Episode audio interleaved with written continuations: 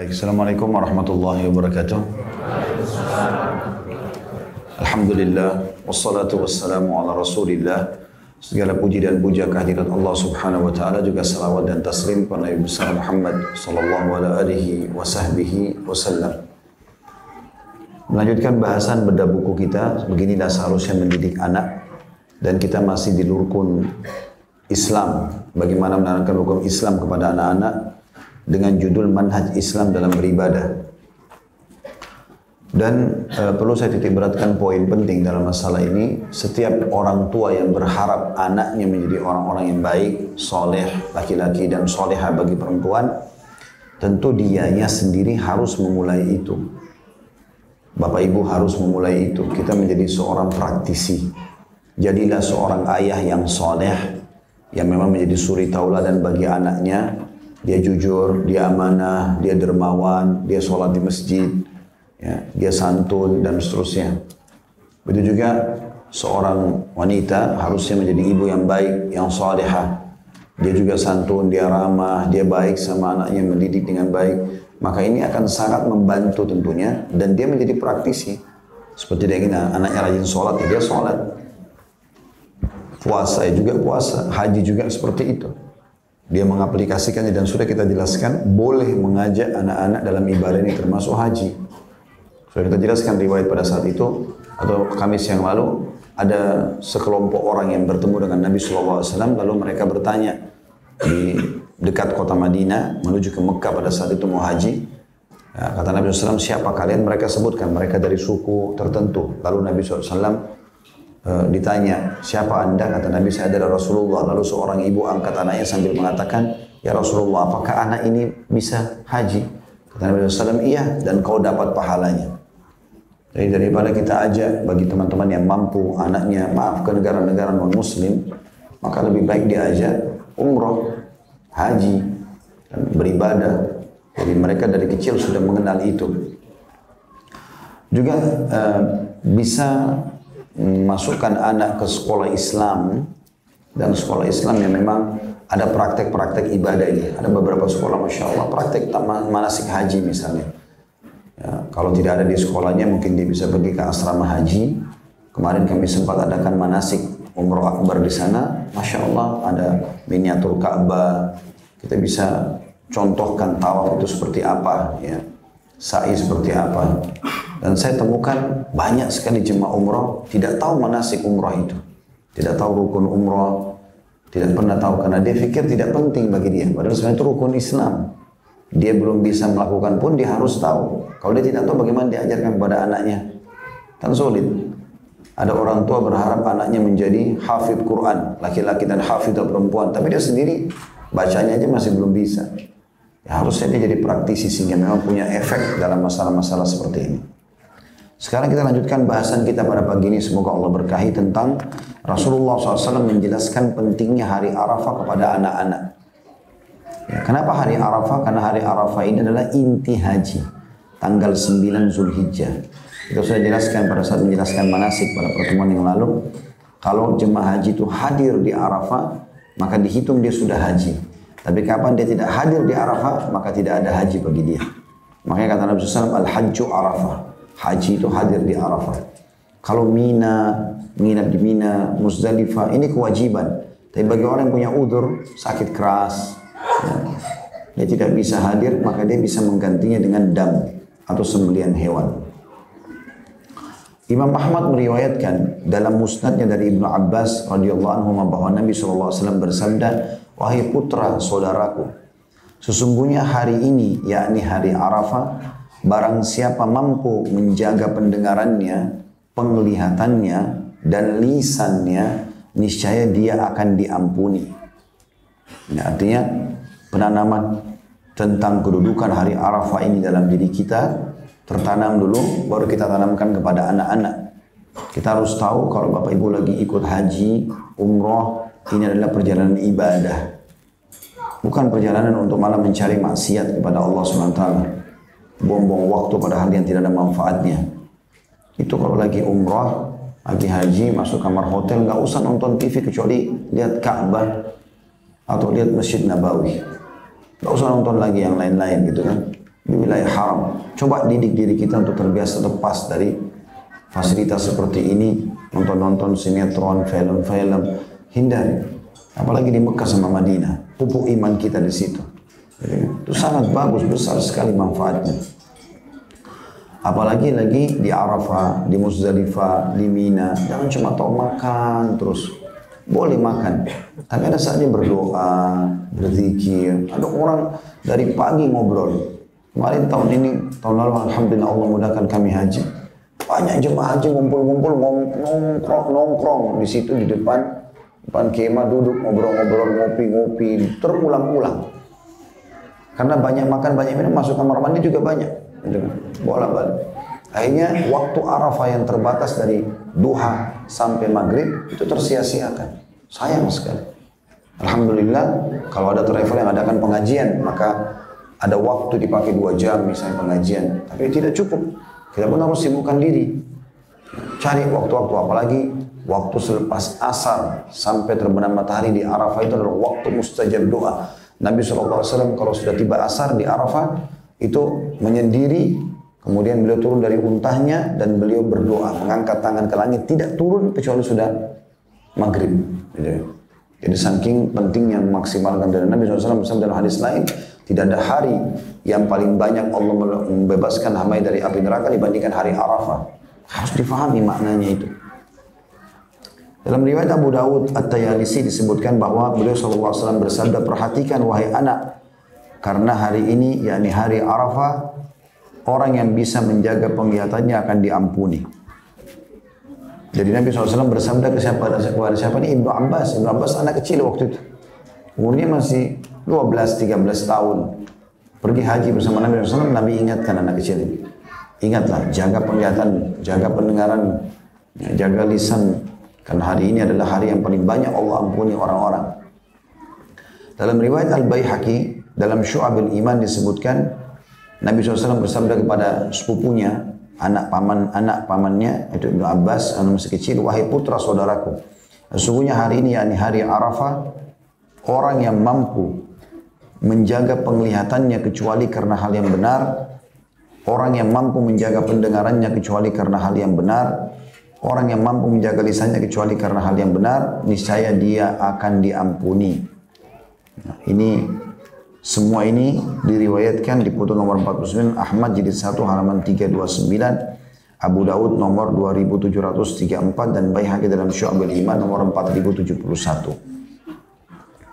Ibnu Abbas juga berkata radhiyallahu anhu bahwa Nabi SAW bersabda bila seorang anak berhaji maka hajinya untuknya sampai dia berakal atau dewasa dan bila dia telah berakal maka dia wajib haji lagi Hadis ini riwayat Hakim dalam Mustadrak jadi 1 halaman 481 dan sahih menurut syarat Syaikhan, maksudnya Bukhari Muslim. Ini saya sedang baca putnot nomor 50 ya di bawah. Dan disepakati oleh Az-Zahabi, Az-Zahabi nama orang, imam masyhur dengan ilmunya. Sahih Jami As-Saghir jadi 1 halaman 485 dan Al-Irwa nomor 986. Hadis ini atau riwayat ini menjelaskan kepada kita bahwasanya anak kecil boleh pergi haji dan umrah dan itu masih diberikan kepada dia. Artinya berlaku pada dia seakan-akan dia mengerjakan haji itu sampai dia dewasa. Kalau dia dewasa, sebagian ulama mengatakan makna hadis ini dia diberikan pahala haji, tapi tetap masih wajib dia haji. Masih wajib dia haji. Karena dia pada saat mengerjakan belum balik, belum kena kewajiban. Hanya pahalanya Allah berikan kepada dia plus orang tuanya juga yang membiayai juga dapat pahala. Itu sesuai dengan sabda Nabi atau Ibnu eh, sabda Nabi SAW tadi bila seorang anak berhaji maka hajinya untungnya sampai dia berakal atau dewasa dan bila dia telah berakal maka dia wajib haji. Maksudnya sudah ada pahalanya setelah balik pun dikasih pahala haji itu tapi belum mengukuhkan kewajiban dia yang haji sekali seumur hidup. Dari Ibnu Abbas juga radhiyallahu anhu riwayat yang lain beliau berkata Nabi SAW bersabda siapa pun anak yang berhaji kemudian dia balik maka dia wajib lagi haji yang lain dan siapa pun budak yang telah berhaji kemudian dimerdekakan maka dia wajib haji yang lain. Ada sini riwayat jadi 5 halaman 156 dan Sahih Jami' As-Saghir jadi 1 halaman 2729 dalam kitab Al-Irwa Syekh Al-Bani menyebutkan nomor 986. Jadi bukan cuma anak kecil, budak juga kalau ada hamba sahaya yang bisa diperjualbelikan, kalau dia dihajikan oleh majikannya atau tuannya pada saat dia masih budak, kemudian satu waktu dia bebas, maka tetap dia diwajibkan haji yang sekali seumur hidup itu. Tapi saksi bahasan kita adalah anak. Kalau dia haji sebelum balik, maka diberikan pahala kalau dia sudah balik, tapi tidak menggugurkan kewajiban dia yang sekali seumur hidup untuk haji itu. Imam Syafi'i rahimahullah berkata tentang manasik haji, sesungguhnya Allah yang maha tinggi dengan karunia-Nya membalas amalan manusia dengan berlipat ganda dan memberikan nikmat kepada orang-orang mukmin bahwa dia akan mempertemukan mereka dengan keturunan mereka serta menyempurnakan amalan mereka. Dalam surah At-Tur ayat 21, Allah Subhanahu wa taala berfirman, A'udzu billahi minasyaitonir rajim alhaqna bihim dzurriyyatahum ma alatnahum min amalihim min syai. Kami pertemukan mereka dengan anak cucu mereka di dalam surga dan kami tidak mengurangi sedikit pun dari pahala kebaikan mereka. Karena Allah kata Imam Syafi'i telah memberikan nikmat kepada anak cucu mereka dengan memasukkan mereka ke dalam surganya tanpa amal, Allah pun memberikan juga nikmatnya kepada mereka dengan catatan amalan baik dalam ibadah haji meski tidak wajib bagi mereka di dalamnya. Ya, maksudnya adalah Imam Syafi'i ingin menitik beratkan kalau anak kecil kita bawa pergi haji, kemudian dia eh, belum balik meninggal, misal dia belum balik meninggal, kan dia memang belum wajib haji, tapi tetap Allah tambahkan fasilitas buat dia di surga dan berbanding tingkatannya dengan anak kecil yang belum pernah haji sama sekali. Walaupun dia belum wajib. Karena orang tuanya sudah membawanya ke sana. Ya. Bahkan dia bisa mendapatkan derajat-derajat yang tinggi bersama dengan orang tuanya karena orang tuanya soleh dan soleha. Al-Hafidh Ibn Hajar berkata, Ibnu Battal berkata, para imam ahli fatwa sepakat bahwa kewajiban haji gugur bagi anak-anak hingga dia balik. Hanya saja bila mereka berhaji, maka hal itu sebagai amalan sunnah baginya menurut jumhur ulama. Syekh Abdul Azim Badawi berkata dalam kitab Al-Wajiz, bila anak kecil atau budak berhaji maka sah haji keduanya. Namun kewajiban berhaji baginya belum gugur apabila dia telah balik atau bagi budak apabila dia telah dimerdekakan. Sebagaimana sudah kita jelaskan tadi ya. Ini ada tutup putuannya kitab Al-Wajiz fi Sunnah halaman 231. Kata beliau, saudaraku haji itu seperti halnya sholat dan puasa. Perlu dibiasakan oleh anak kecil agar dia terbiasa mengadakan hubungan dengan Allah yang maha tinggi. Bermunajat kepadanya dan memenuhi perintah-perintahnya. Di samping sebagai persiapan bagi orang yang menantikan masa baliknya sehingga tidak merasa berat dan susah ketika mengerjakannya karena memang sudah biasa dikerjakannya. Jadi banyak orang tua saya lihat tidak mau menggunakan jilbab anaknya. Kenapa? Belum balik. Tidak mau mengajak anaknya sholat. Kenapa? Belum balik. Tidak mau ajak umroh haji. Karena belum balik. Ah anak saya belum wajib kok. Gak usah diajarin sedekah, gak usah diajarin puasa dan seterusnya. Ini keliru. Nanti kalau sudah balik, sudah wajib bagi dia. Berarti sudah kena hukum. Kalau dia baru mau belajar, berdosa berarti. Karena dia tadinya bisa belajar sebelumnya. Kalau dia tidak kerjakan begitu dia balik, berarti dia berdosa. Makanya dia sudah harus dibiasakan dari sebelum balik. Orang tua yang pintar adalah orang tua yang membiasakan anaknya sholat, puasa, sedekah dari kecil. Sehingga dia nanti pada saat balik sudah wajib, mudah. Gitu ya. Kami coba terapkan kepada anak-anak, coba sekarang dibiasakan, pada saat mereka balik sudah biasa. Mereka tidak terganggu lagi. Karena memang mereka sudah terbiasa dengan sholat, tutup aurat dan seterusnya. Dan kalau masih kecil itu gampang sekali kita motivasi. Nah, saya sarankan ibu-ibu ini, ini maaf bahasa saya, jangan dianggap tidak sopan ya. Jangan jadi setan manusia. Ya. Anaknya mau pakai jilbab, nggak usah nak. Kenapa nggak usah? Kan masih kecil. Ya. Kadang-kadang ada saya lihat ibu-ibu tuh anaknya nangis. Kalau ditanya kenapa, karena mau pakai jilbab, ibunya nggak kasih. Kok aneh bener ini? Ada kerabat kami juga begitu, semua Allah kasih hidayah. Anaknya puasa terus. Ibunya yang jadi penggoda. Nak kok nggak haus nak, nggak lapar. Diganggu. Kenapa diganggu ini? Jadi seakan-akan suruh anak sampai anaknya yang komitmen dah mau puasa ibu apa dan tapi dia terus Allah goda gitu. Ada juga begitu ayah sama supaya adil jadi ibu-ibu nggak tuntut saya gitu kan. Jadi bapak-bapak pun ada yang begitu. Nggak mau aja anaknya sholat, nggak penting gitu kan. Nggak penting untuk ajak sedekah, biasakan. Saya kalau ada anak-anak ke musola, lagi sholat, pas lagi ada peluang kesempatan untuk sholat, bukan ada kegiatan taklim seperti ini, maka anak, -anak saya ajak, walaupun naik motor. Saya naik motor bonceng tiga orang anak, bersama-sama gitu. Pada saat jalan ke masjid, mereka tahu turun pelan-pelan. Saya ajarin, buka sendalnya kaki kiri dulu ya. Nah, memang kita pakai sendal kaki kanan, bukanya kaki kiri. Terus masuk masjid kaki kanan, ingat jangan ribut ya nak. Ikut sholat, sholat ini wajib. Mereka iya, paham itu. Setelah itu saya kasih duit ini, itu kotak amal, sedekah ya. Jadi mereka bersedekah. Walaupun kadang-kadang nego. Berarti nanti diganti ya untuk beli coklat. Jadi kalau saya kasih uang dimasukin di kotak, nagih dia. Minta diganti. Baiklah, nanti diganti insya Allah. Yang penting sekarang sedekah dulu. Mereka masukin. Dan ternyata itu sekali dua kali pernah saya ajarin begitu. Setiap masuk masjid, kotak amanah berarti. Tunjuk langsung minta disedekain. Nanti habis sholat insya Allah. Kita sholat dulu karena sholat lebih wajib. Jadi mereka faham. Akhirnya anak-anak terbiasa dari kecil dengan itu. Haji adalah ibadah yang menghimpun antara ibadah-ibadah yang berat dengan kenikmatannya semua.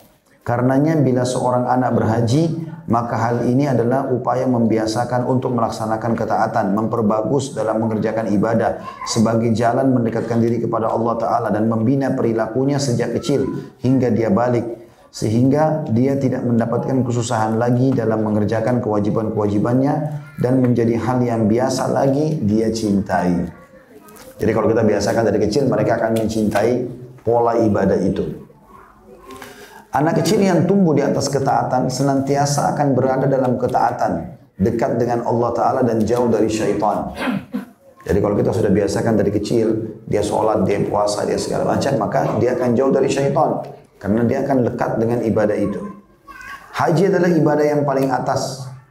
Di dalamnya terdapat syiar, bagi kaum muslimin. Di dalamnya terdapat tauhid, pengesahan Allah. Di dalamnya juga seorang anak akan melihat seluruh kaum muslimin, tua, muda, berkulit putih, berkulit hitam, bangsawan atau orang biasa, semuanya sama memakai satu kain, menyeru Tuhan yang esa di satu rumah, kiblat mereka satu.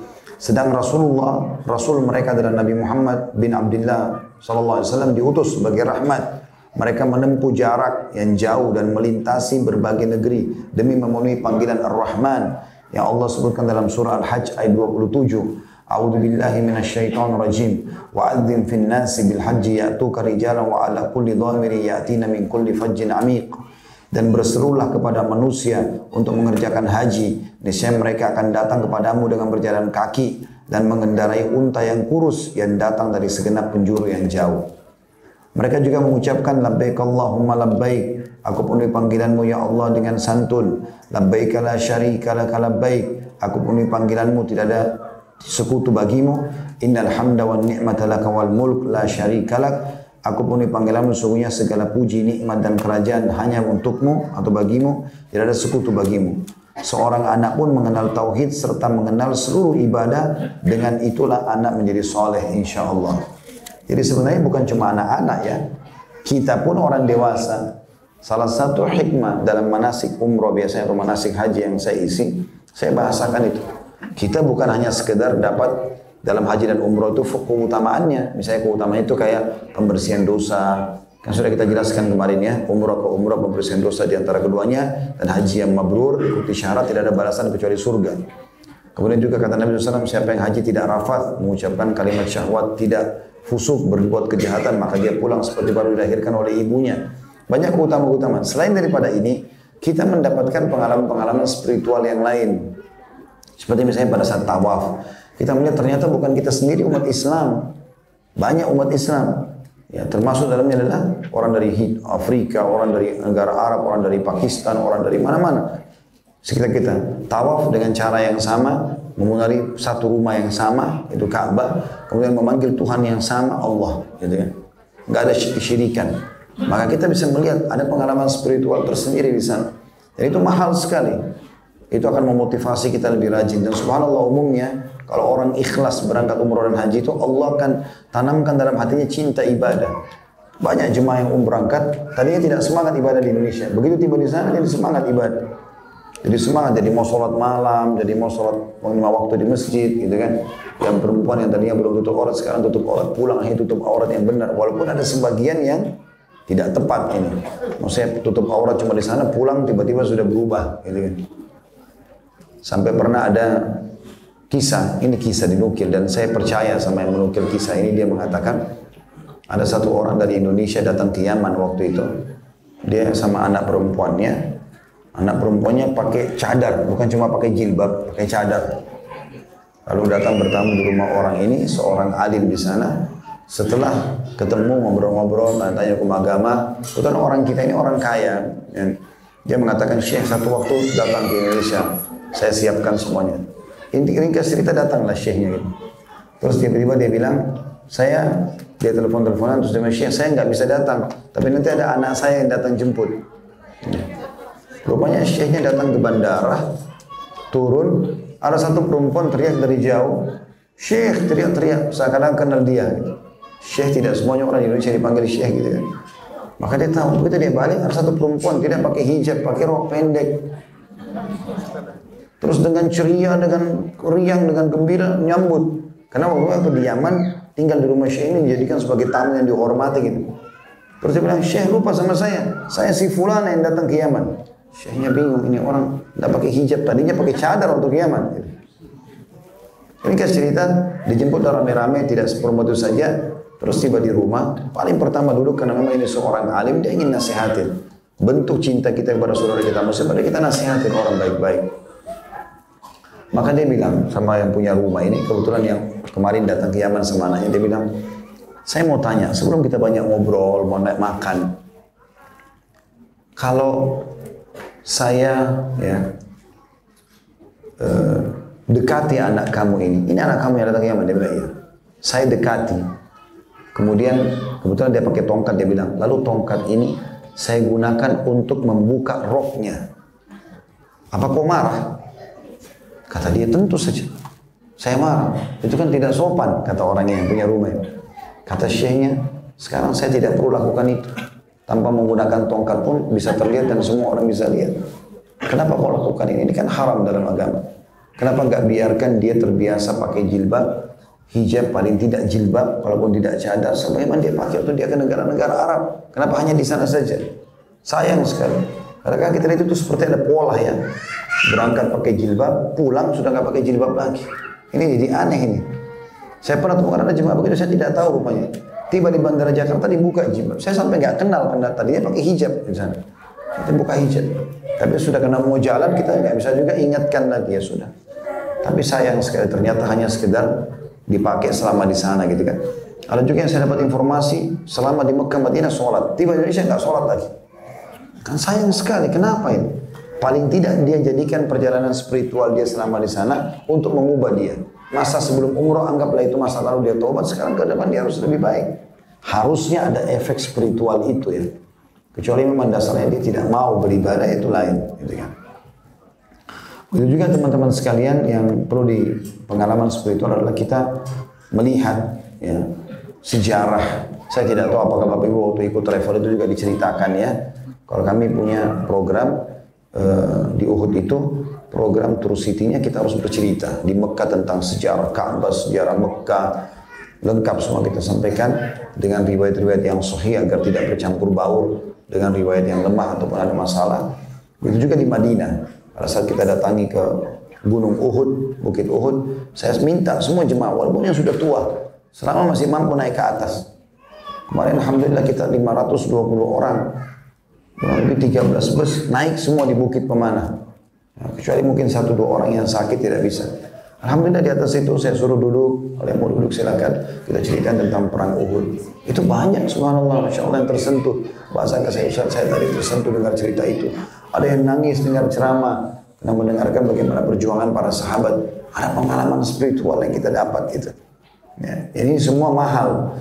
Nah kalau kita orang dewasa bisa berbekas, anak-anak lebih berbekas lagi. Mereka lebih berbekas dengan itu. Saya ngajak anak-anak saya waktu masih kecil berapa orang umroh semua. Begitu pulang, sering mereka bahasakan, ah, berarti kapan umroh lagi? Enaknya waktu itu umroh, tawaf, sa'i gitu. Mereka tahu, mereka tahu itu. Jadi pengalaman-pengalaman ini penting untuk diri kita dan juga untuk anak-anak kita. Saya sarankan bagi bapak ibu yang punya kemampuan ulang-ulangin umroh ini. Kalau perlu jadwalkan sebulan sekali, nggak bisa dua bulan sekali, nggak bisa enam bulan sekali. Pokoknya jangan lewat satu tahun kecuali umroh. Bisa haji setiap tahun haji. Kan biayanya besar Ustaz? Iya, kan ada hadis Nabi yang sudah kita jelaskan. Umroh dan haji itu kan ada di halaman kita ya, yang saya jelaskan atau kita bacakan kemarin. Riwayat Bukhari Muslim hadis itu. Ini di halaman 194 di eh, di paragraf yang kedua. Kalau yang pegang buku. Abu Hurairah berkata, radhiyallahu bahwasanya Rasulullah SAW bersabda, iringilah antara haji dan umrah. Mana iringi? Rutinkan. Dari umrah ke haji, dari haji ke umrah, terus begitu. Non stop, selalu lakukan. Karena keduanya, umrah dan haji, akan menghilangkan dosa. Bersih dosa-dosamu dan kefakiran. Artinya sebagian ulama hadis mengatakan kefakiran maknanya dia akan kaya dan biaya apa pun yang dia keluarkan Allah akan ganti. Sebagaimana alat tiup tungku pandai besi atau ubud ya, menghilangkan karat besi, emas dan perak dan haji yang mabrur tidak ada balasannya kecuali surga. Ini luar biasa. Sering lakukan itu teman-teman. Saya tahu ada orang di Jakarta ini sering saya jadikan sebagai bahan ceramah. Sudah tua beliau, tapi masya Allah usahanya jalan. Banyak building-building yang dia punya di Jakarta ini. Itu dia satu bulan, eh, tiga minggu di Indonesia, satu minggu di Saudi. Bisa dia suami istri, sama istri yang sudah komitmen. Setiap bulan, pekan terakhir, pekan keempat dari Indonesia. Selalu di Mekah sama Madinah. Umrah, ibadah, pulang. Tiga minggu kerja lagi, satu minggu di sana. Kadang-kadang bawa anak-anak, kadang-kadang tidak gitu. Tapi dirutinkan. Dan itu ternyata Allah kabulkan, tergantung daripada permintaan kita. Inna malamal bin niat. Kalau niat kita begitu, Allah akan mudahkan insya Allah. Seperti itu. Jadi semestinya tentu dijadikan sebagai pola ya, baik dalam diri kita ataupun untuk anak-anak kita.